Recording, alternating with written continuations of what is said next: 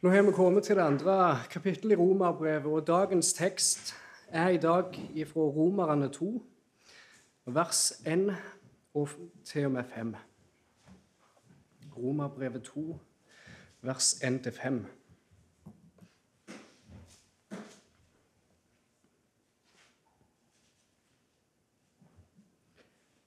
Derfor kan du ikke unnskyldes, du menneske, hvem du enn er som dømmer.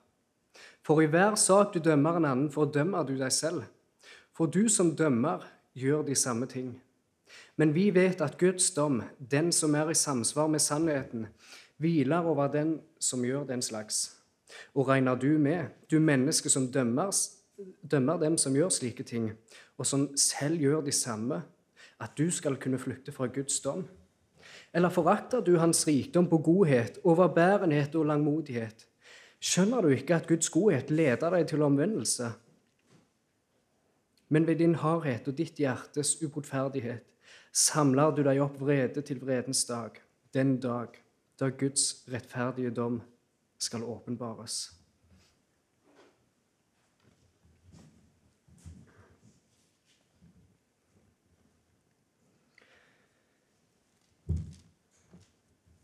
Er det noe som blir etablert i begynnelsen av romerbrevet spesielt, så er det dette med Guds rettferdighet. Og det som skal bli framholdt nå i kapittel 2, det er at Gud er rettferdig når han dømmer.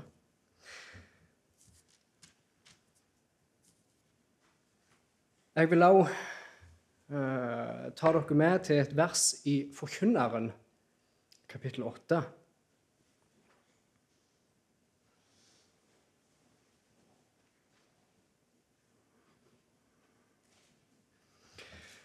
Forkynneren kapittel 8 og vers 11.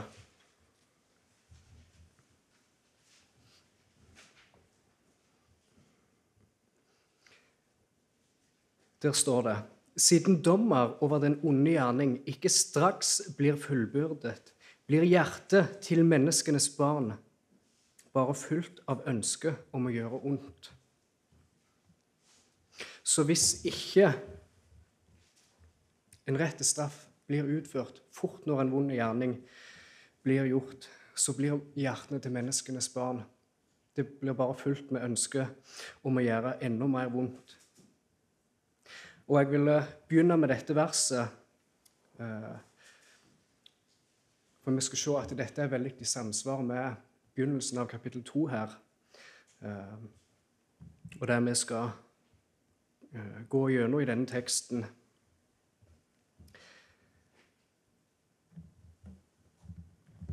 Vi har fått de siste gangene fra Håvard så har vi fått hørt fra Romerbrevet kapittel 1 og fra vers 18 og ut kapittelet at Gud han har åpenbart seg over hele menneskeheten.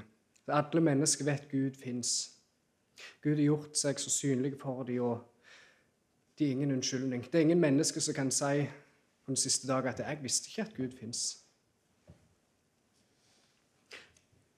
For som vi kunne lese fra vers 20 av For helt siden verdens skapelse har hans usynlige egenskaper vært klart synlige.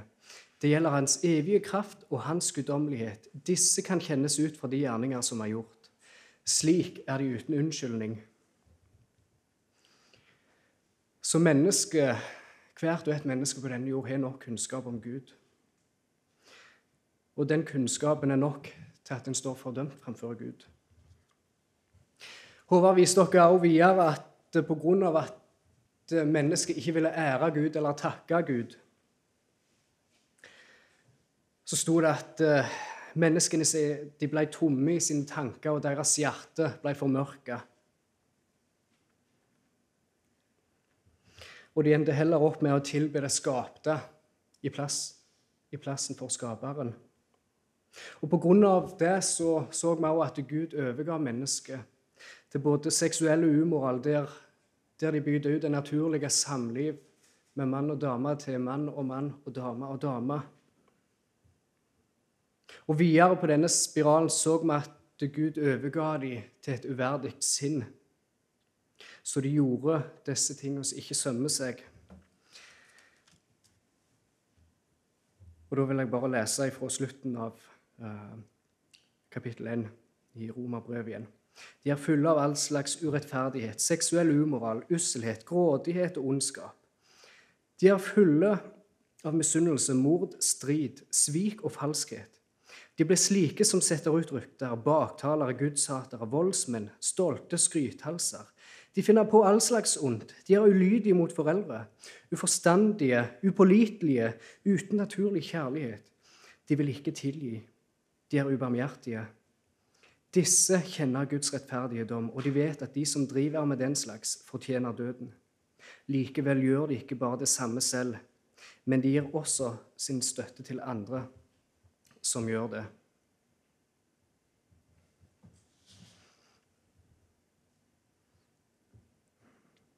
Vi så det at alle mennesker vet Gud fins. Alle mennesker kjenner Gud.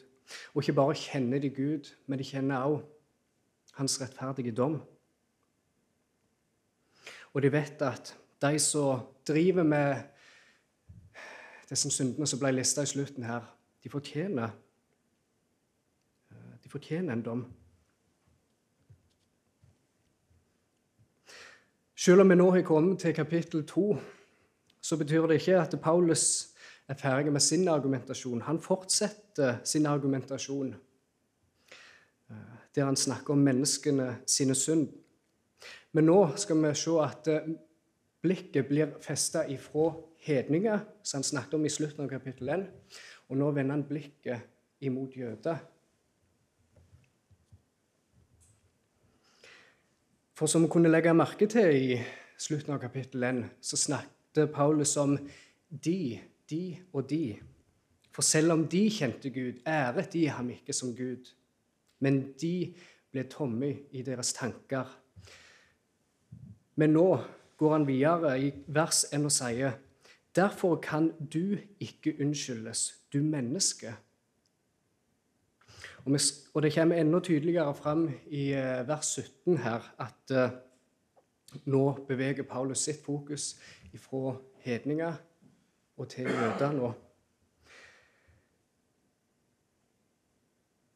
Og Paulus sier her at eh, derfor kan du ikke unnskyldes, du menneske, hvem du enn er som dømmer.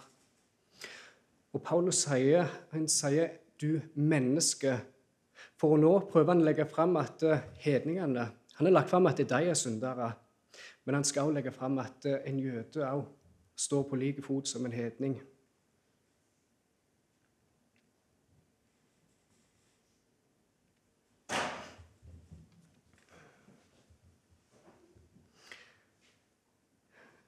Ut ifra dagens tekst så vil jeg at vi skal fokusere på to ting.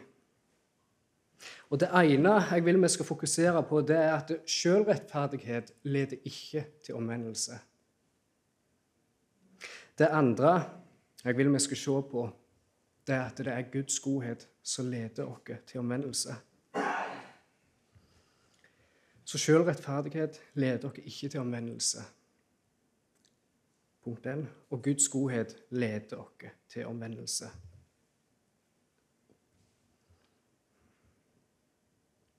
Som jeg sa, Paulus vil nå rette blikket mot eh, en jøde. Og tingen er Når vi leser i Bibelen, så ser vi at jødene de hadde jo ikke veldig mye til overs for hedningene. For hedningene de var ikke en del av Guds folk. De var ikke en del av alle løftene som Gud hadde gitt til sitt folk, jødene. Og det var nettopp for jødene at Gud hadde åpenbart sitt ord og sin lov for. Vi kan lese fra Johannes evangeliet kapittel 4. Når Jesus er eh, på vei til Samaria, så kommer han til Syker, en by som heter Syker og setter seg med ei brønn og treffer på hun samaritanske dama. Jesus spør om han kan få litt vann. Og denne her dama sier, 'Hvordan kan du som er jøde, be om drikke ifra meg, ei samaritanske dame?' Jødene de omgås jo nemlig ikke samaritanerne. Så det var et visst fiendskap der mellom jøder og hedninger. Og bare det å få et glass, for en jøde å få et glass med vann fra en, eh, en samaritaner ville blitt sett på som ureint. Så jødene, av at de hadde fått Guds lov og Guds ord åpenbart for seg De var erklært til å være Guds folk. Så så de det på som sin fulle rett til å da kunne dømme alle andre nasjoner og se ned på dem.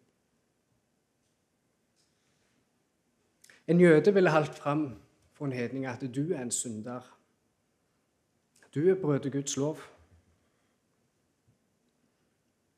Og ville sett ned på dem for deres synd og ugudelighet. Og det er nettopp dette Paulus nå prøver å gripe anledningen til å vise. Eh, at en jøde står på samme grunn som en hedning framfor Gud når det kommer til synd.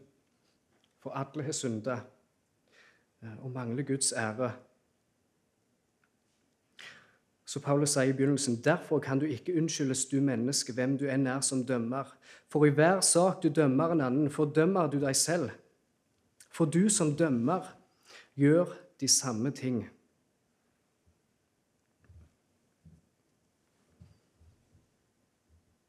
Ja, menneske som dømmer andre mennesker for deres ugudelighet, men så likevel får, får de anklagene om at de gjør det samme sjøl. Poenget her til Paulus er ikke at han prøver å få fram at det er galt å dømme. Det han prøver å få fram her, det er at det er galt å dømme på en hyklersk måte. Det er det som er problemet her. Ikke at en feller en dom, men at en dømmer hyklersk sier at noen gjør noe galt, men så viser det seg at en gjør det bare sjøl. En, en gjør, det samme sjøl.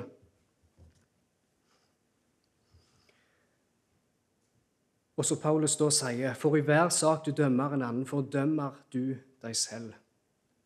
Så når en dømmer noen for å gjøre en syndig handling, men likevel gjør det samme sjøl, så fordømmer en seg sjøl.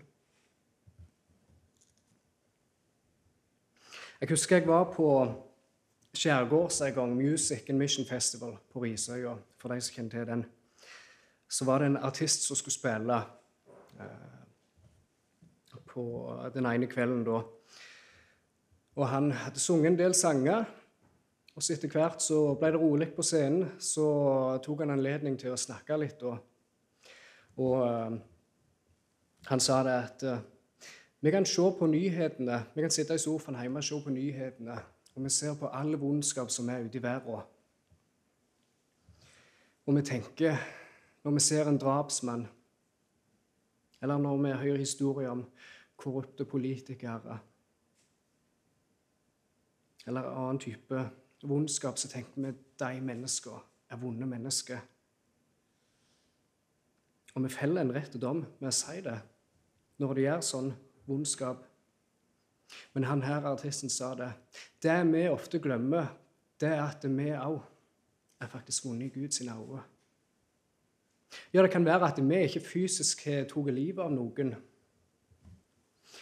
Men som Jesus sier i uh, Matteus evangeliet, at uh, hvis du hater din bror, så har du tatt livet av han.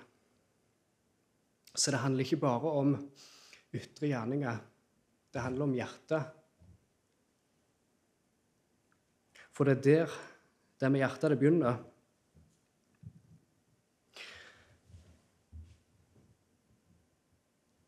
Så han prøvde å få fram dette poenget med at uh, vi ser på vondskap ute i verden og sier at de mennesker er vonde, de ser dette her. Men så glemmer vi sjøl at uh, framfor Gud så er ikke vi noe bedre sjøl. Og han brukte litt den samme, uh, samme retorikken som Paulus her gjør du menneske som dømmer andre for det de gjør. Du gjør jo akkurat det samme sjøl. Og derfor fordømmer du deg sjøl.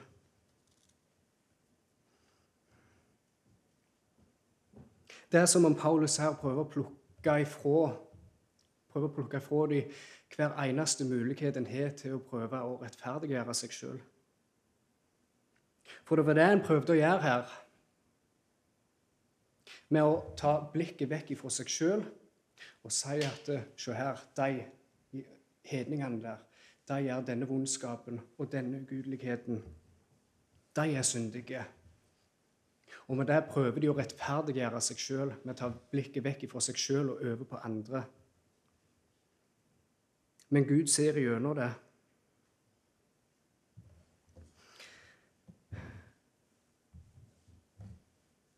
I vers 2 så ser vi at eh, Men vi vet at Guds dom, den som er i samsvar med sannheten, hviler over dem som gjør den slags. Han sier at denne dommen er i samsvar med sannheten. Hva betyr egentlig det? Vi fikk jo sett ifra slutten av kapittel 1 at alle mennesker vet at Gud fins. Og denne sannheten heller de nede i urettferdighet. Sannheten om Gud.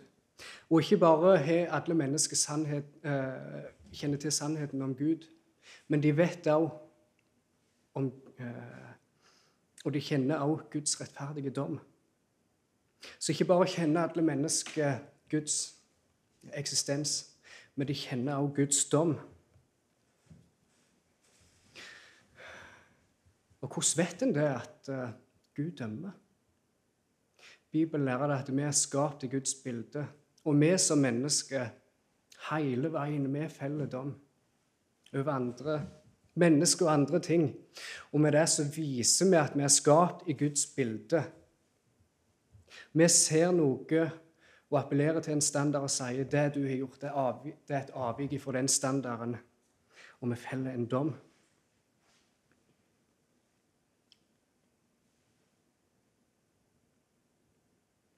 Så denne denne Guds dom er i samsvar med sannheten, den sannheten det er snakk om, det er den sannheten som er lagt i alle mennesker. At alle vet Gud fins, og at alle vet Gud er en Guds en dag vil dømme. Vil dømme. Og at denne dommen hviler over alle de som gjør den slags, sier han her.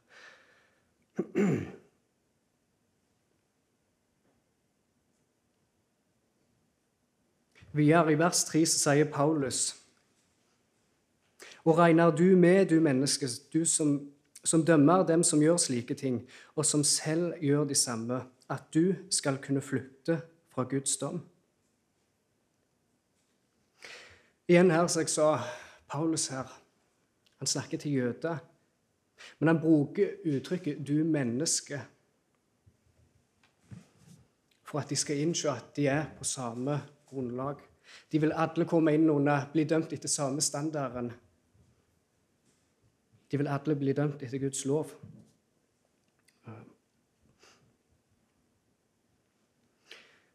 Og som jeg sa, det nytter ikke for dem å prøve å felle en rettferdig dom over andre. For man det å prøve å få fokuset vekk fra seg sjøl og sin egen synd. Og på den måten prøve å rettferdiggjøre seg sjøl med å si ja, ja, men jeg er jo ikke så galen som han. Jeg er jo ikke så galen som hun. Nei, Gud ser ikke bare til de ytre gjerningene, han ser til hjertene våre. Og Samme hvor mye vi prøver å få fokuset vekk fra oss sjøl og over på andre, så vil det ikke nytte. Så vi vil se det, og vi ser det, at sjølrettferdighet det er ikke det som vil lede oss til omvendelse. Vi skal gå videre til å se at eh, det som leder dere til omvendelse, det er Guds godhet. Videre i vers 4 så står det Eller forakter du hans rikdom på godhet, overbærenhet og langmodighet? Skjønner du ikke at Guds godhet leder deg til omvendelse?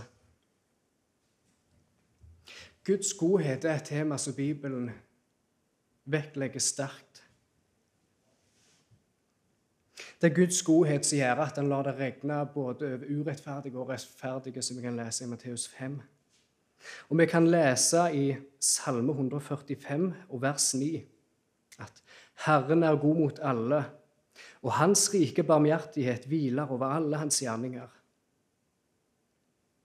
Guds godhet den viser seg for oss bl.a. med alle de gode tingene han gir oss. Han lar det regne både over rettferdig og urettferdig. Han gir oss hus, mat, bil, jobb. Og Det er uavhengig av hvem vi er, men det er av at han er en god Gud.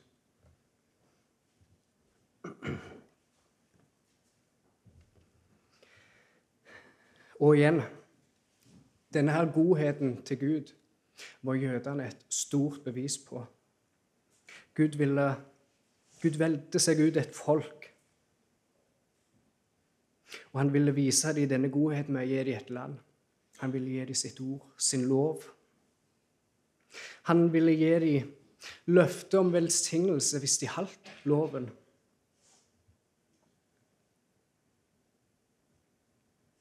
Hvis de, eh, hvis de holdt loven og var lydige til Gud. Ikke ville bare velsignelse komme om de holdt hans lov, men det ville også komme sanksjoner hvis de brøt den loven.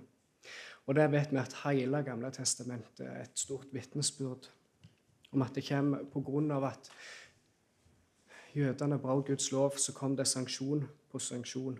Det kom en konsekvens for deres lovbrudd.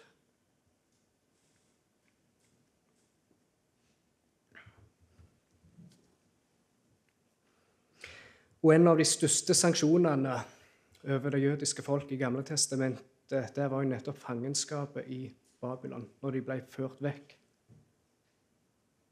Jeg vil at jeg skal være med meg til Nehemja kapittel 9.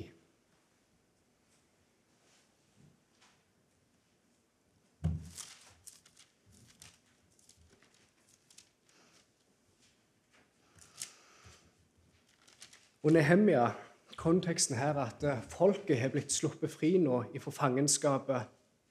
De er på vei hjem igjen til, til, sitt land, og de skal bygge opp murene i Jerusalem.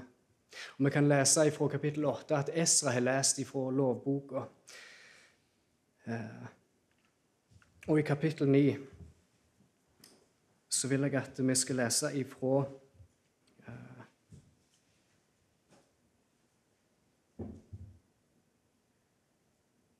Vi leser fra vers 7 og til og med til vers 17.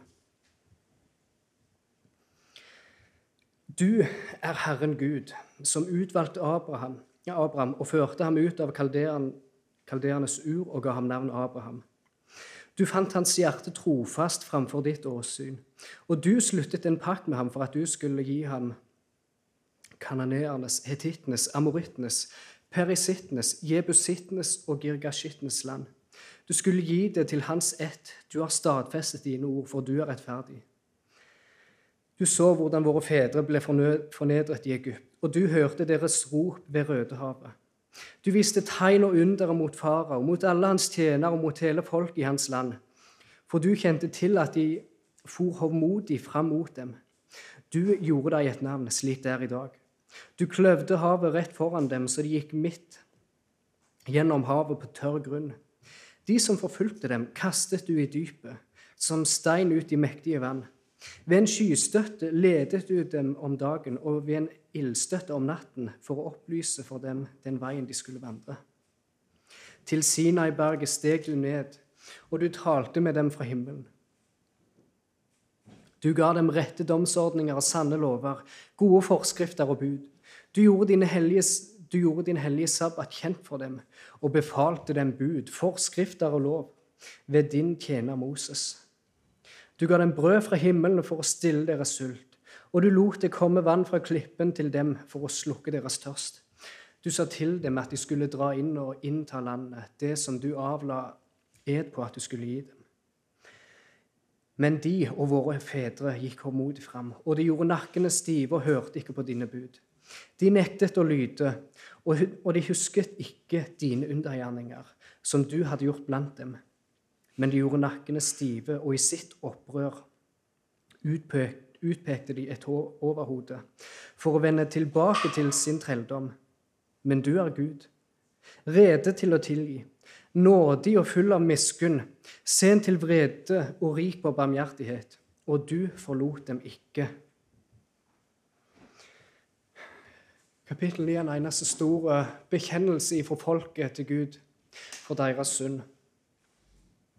Og historien om israelsfolket, historien fra Gamle testamentet, det handler om en Gud som viser sin godhet til et folk som er stivnakka og hardt. Og på tross av alle de gangene Gud både redder de fra fare og velsigner de med gode ting, så snur de han ryggen. Og det som blir holdt fram her, det er at eh, som vi kan lese videre fra vers 18. Men du, selv da de lagde seg en støpt kalv og sa:" Dette er din Gud, som førte deg opp fra Egypt, i stor gudsbespottelse. Selv da forlot du dem ikke i din rike barmhjertighet i ørkenen. Her blir det holdt fram at Gud sin godhet veik ikke vekk fra folket. Guds godhet var alltid med dem.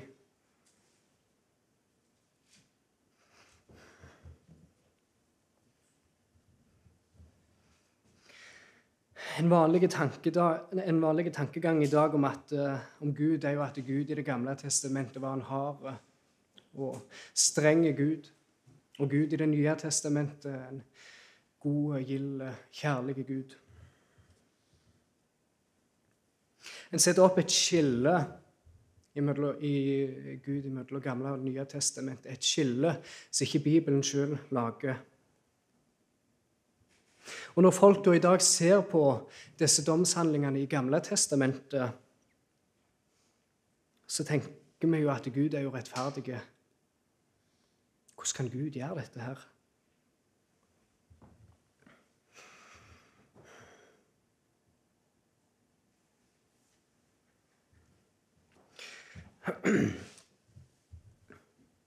Men hva var det vi så i Vi kunne se i Nehemia kapittel 9 at på tross av at mennesker var i opprør mot Gud, og de hadde fått sin lov, de hadde fått Guds lov til seg, og Gud sa hvis dere bryter min lov, så vil det komme straff. De brøt Guds lov, og Gud straffa dem, men ikke fullstendig. Gud viste fremdeles sin godhet til dem, og han viste dem sin overbærenhet og langmodighet. Jeg har lyst til at vi skal gå gjennom noen eksempler fra Det gamle testamentet. Og Vi kan begynne fra første Mosebok, eh, i kapittel 2. Og fra vers 16 og 17.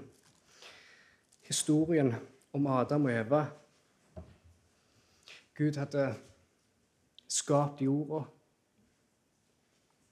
han hadde skapt mennesket. Og Gud hadde sagt Gud sier til Adam i vers 16 i kapittel 2 Herren Gud bød Adam og sa:" Av hvert tre i hagen kan du ete fritt. Men av treet til kunnskap om godt og ondt skal du ikke ete. For på den dag du eter av det, skal du sannelig dø. Vi kjenner jo det historien de åt av denne her frukta. Gud hadde sagt når de gjorde det, skulle de dø. Ja, døde de? På en måte så døde de, ja. Men Gud lot de leve fysisk. Og ikke bare lot han de leve. Når de hadde spist av frukten, så så de at de var nakne, og de kjente på skam.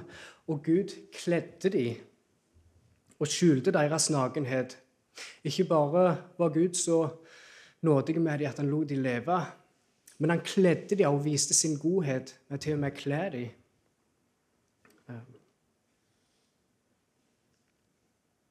Hvis vi går videre i første Mosebok, til kapittel 6, og da er vi i historien om Noah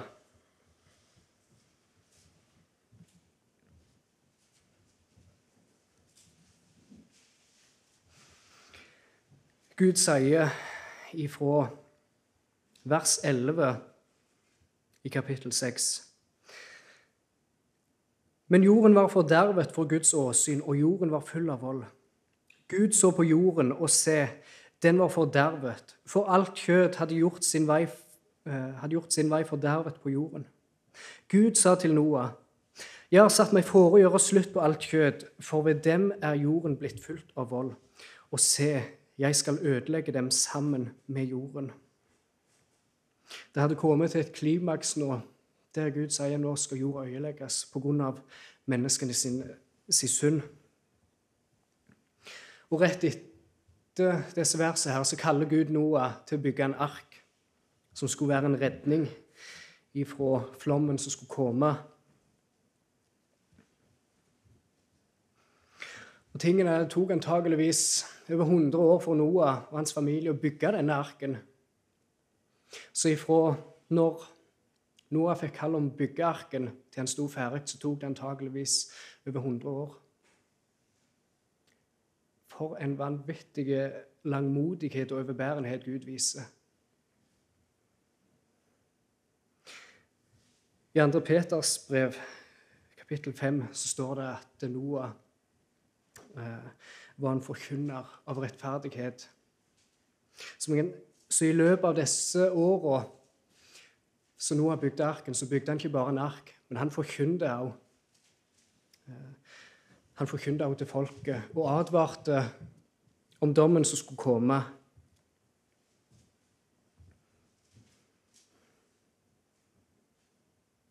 Så sannelig historien om Noah er virkelig en historie om hvor, over, hvor, overbærenhet, hvor stor overbærenhet Gud viser med oss.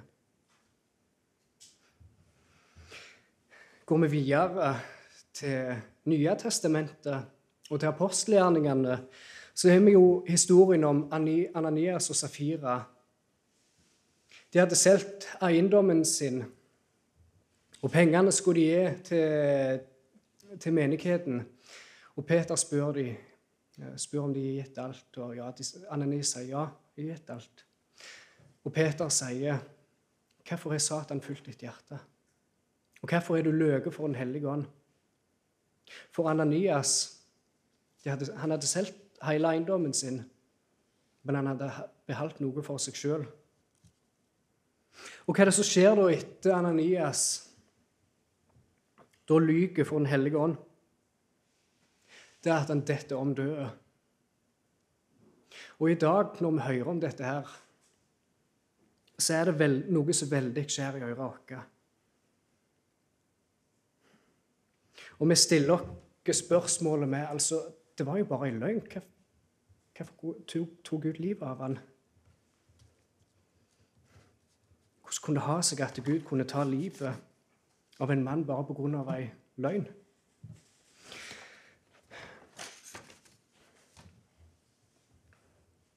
Men i plassen for å spørre hvordan kan det ha seg at Ananias og Safira døde på denne måten bare for å lyge. Så bør vi heller stille oss spørsmålet med hvordan kan det ha seg at alle de andre løgnerne i den forsamlingen overlevde og ikke døde? Hvis vi virkelig forstår hvor hellige og god og rettferdige Gud er, og hvis vi også forstår at vi er det motsatte Vi er ikke som Gud. Vi er ikke like rettferdige som han er. Vi er ikke uten synd som han er. Hvis vi klarer å forstå dette her om Gud, så vil vi også forstå at eh, alle disse historiene i Gamle testamentet er en stor demonstrasjon av Guds nåde. Og ikke bare i Gamle testamentet, men vi kan tenke over vårt liv òg. Vi vet at syndens lønn er døden. Og det er bare pga. Guds nåde at vi får lov til å trekke en ny pust etter vi har synda.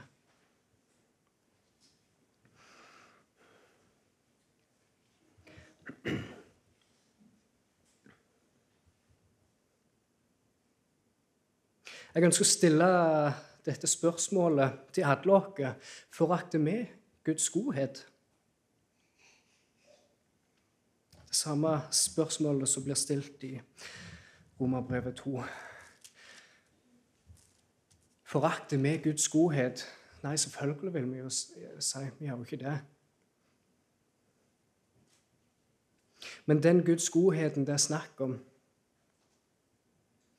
Det er Guds godhet som velger å spare mennesket. Eh,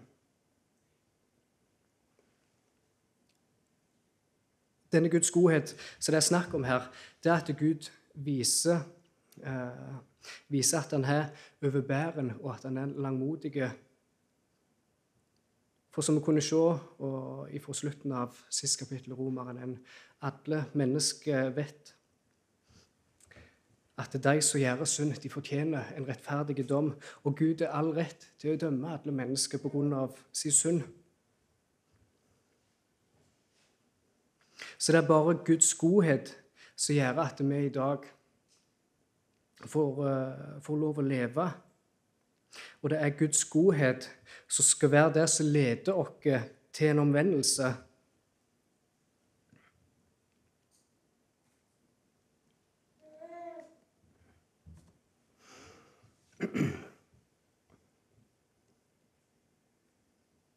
Vi må virkelig få et nytt syn på Gud i dag. Vi må forstå hvordan Bibelen sjøl snakker om Gud. Og vi må forstå det at uh, Gamle testamentet er ikke bare ei historiebok om en streng og hard Gud. Hvis vi faktisk forstår Vi må faktisk forstå at Gamle testamentet det florerer av Guds nåde. Gud viser historier gang på gang. Gud har sagt du, hvis du gjør dette her, hvis du er lydig mot meg på dette her, så skal dere dø. Men han lar dem leve. Gud viser gang på gang sin godhet til mennesker som gjør opprør mot ham. Og dette skal føre til omvendelse. At Gud ikke feller dom med en gang. Men at Gud er langmodig med oss, det skal lede oss til omvendelse til Gud.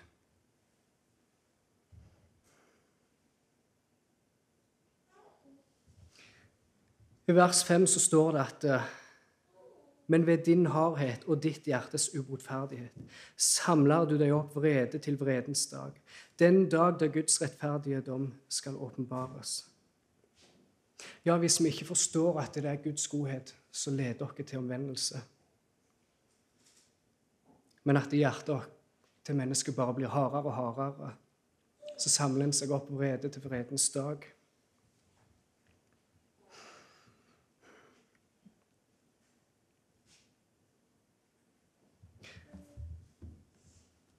Det verset som jeg begynte med ifra Forkynneren,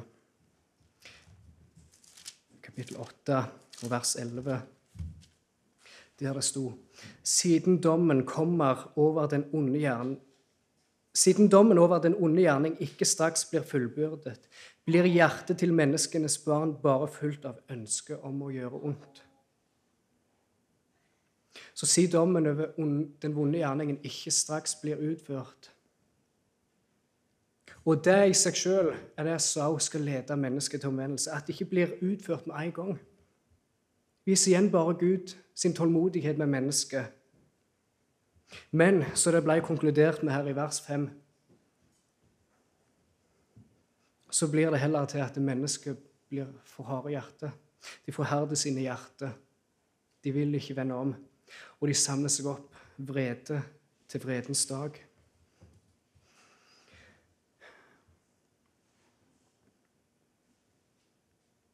Husker Håvard en gang sa en, i en tale at uh, vi har i dag blitt så vante med Guds nåde at vi har begynt å forlange den.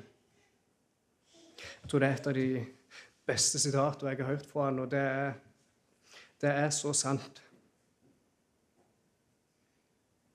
For som jeg sa, når vi leser historien i Gamle testamentet om domshandlinger Vi anklager Gud for å være urettferdige når sånne ting skjer. Og hvis Gud ikke viser nåde til mennesket, så er han urettferdig.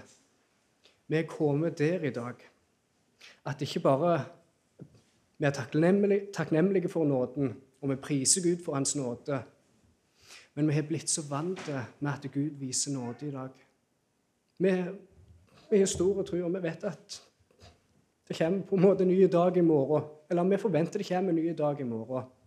Vi forventer ikke at Gud skal la det regne ild over Ualand.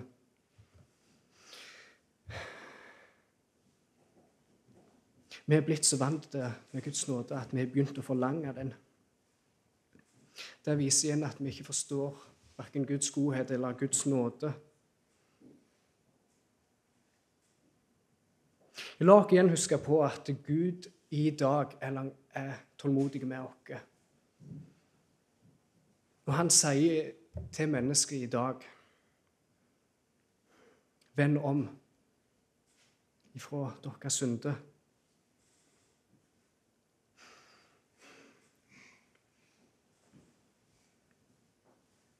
Gud viser oss at han er både god og han er overbærende og han er langmodig. Med at han ikke gjør slutt på oss pga. vår synd. Og dette bør føre til at eh, vi omvender oss til Gud. For det er nemlig Guds godhet som skal lede dere til omvendelse.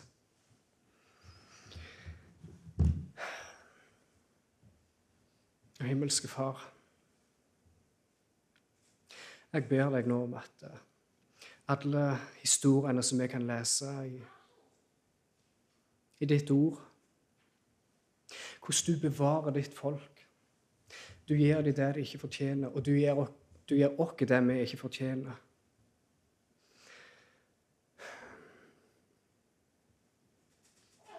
Herre, vi har fått en tanke om at eh, hvis ikke du viser nåde i dag, så gjør du noe feil. Men Herre, gi oss en rett forståelse av din nåde. Din nåde er noe som du velger å gi frivillig. Du gjør det for at du er god, og du gjør det for at du er tålmodig med oss. Og Herre, som dette skulle. Være til til påminnelse for, for jødene om din godhet, så ber jeg om at dette også skal bli en påminnelse til oss om din godhet. Jeg ber om at vi ikke skal se på din godhet som noe vi kan forlange, men noe som du gjør fordi du sjøl vil, og at du er en god Gud og du vil vise godhet mot dere. Og det takker jeg deg og priser deg for.